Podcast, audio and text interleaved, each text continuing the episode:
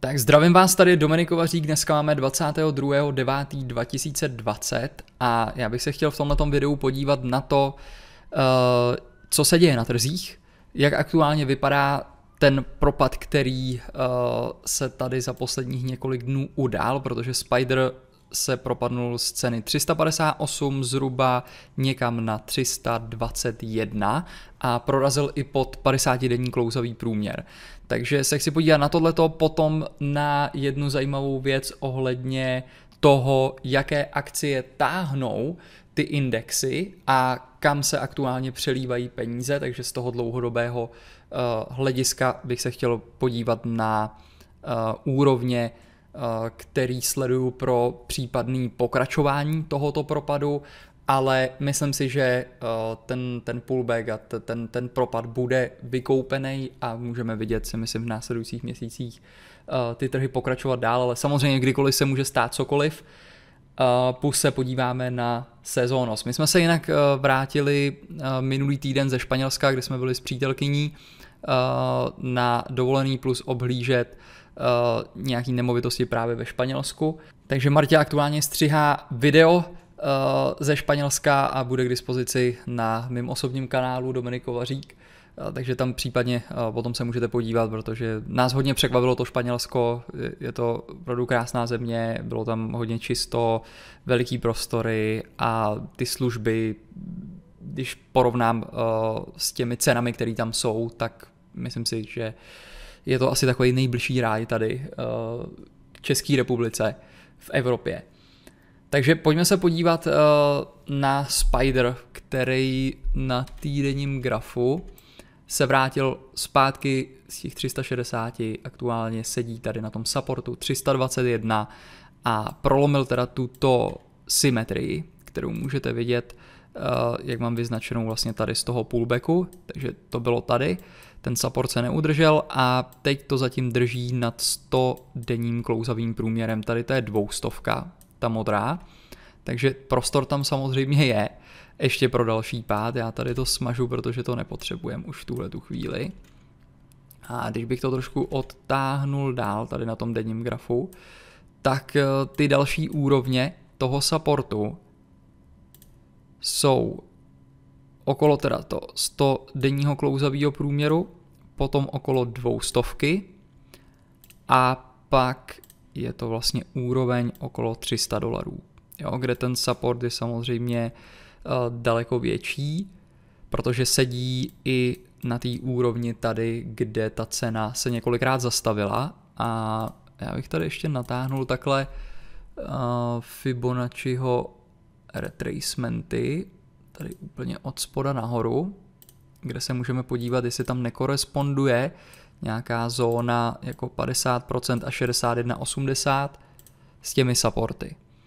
Jo, takže 3820 je někde na 300, na 305, pak je 50% na 288 a tady to je ještě o rozníž. Takže každopádně tady to z dlouhodobějšího hlediska vypadá jako silná úroveň okolo 280, 50% máme někde okolo 288, ale tady máme potom support okolo 300 a pak je to úroveň 310-318. Takže pokud tenhle ten propad by pokračoval dál, tak 318 je první úroveň, 310 druhá, tady to je třetí, tady to je potom čtvrtá a, a pátá okolo těch 280.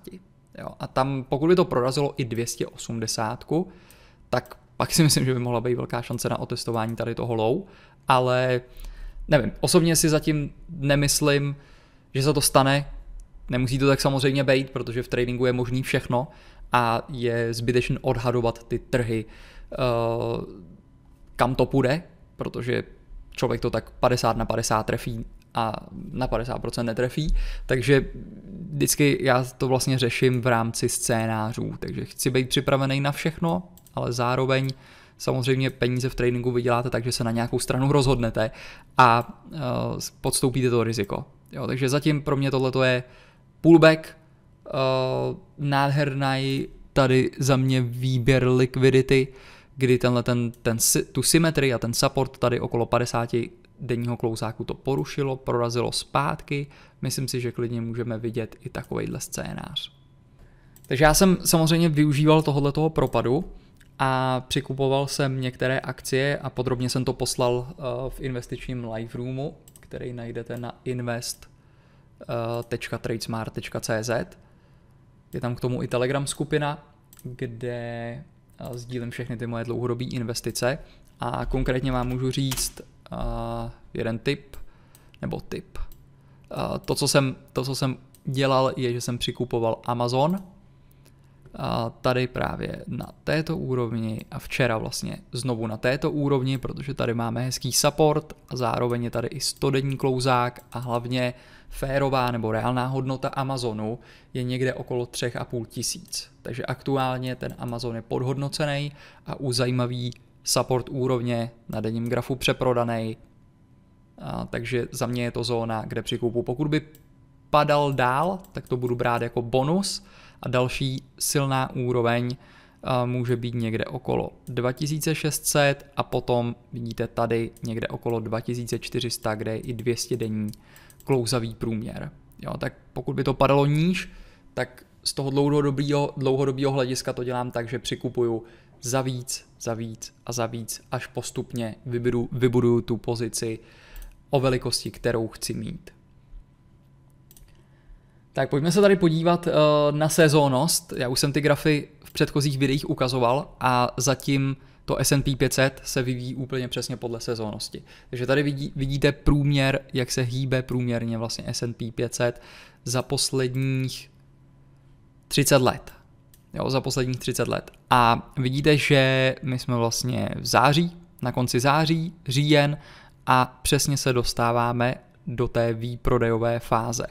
Jo, takže vidíte, že za posledních 30 let ten trh funguje tak, že od ledna do května víceméně tady probíhá nějaká konsolidace, potom roste, pak probíhá nějaká konsolidace, která jde spíš mírně dolů od května do září, do srpna do září, potom většinou sezóně září, říjen vidíme výprodeje, předtím než v říjnu to vytvoří dno a pokračuje to směrem nahoru v listopadu a prosinci.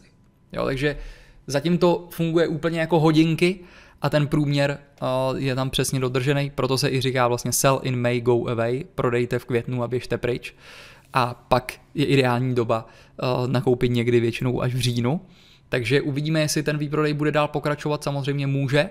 Cokoliv se může stát, máme tady potenciální druhou vlnu koronaviru, která možná vypadá zatím daleko hůř než ta první vlna, když si vezmete, kolik bylo jenom případů u nás a kompletně všechno bylo zavřené, dneska ty případy jsou na násobku a násobcích toho, kde byly předtím a víceméně nic zavřeného zatím není, takže uvidíme, uh, co se tam stane a jak by to potom s tou ekonomikou zamávalo, ale pamatujte, akcie nejsou ekonomika, ekonomika nejsou akcie, takže se vždycky hýbou um, napřed, jo, většinou o 6 měsíců napřed před tou ekonomikou.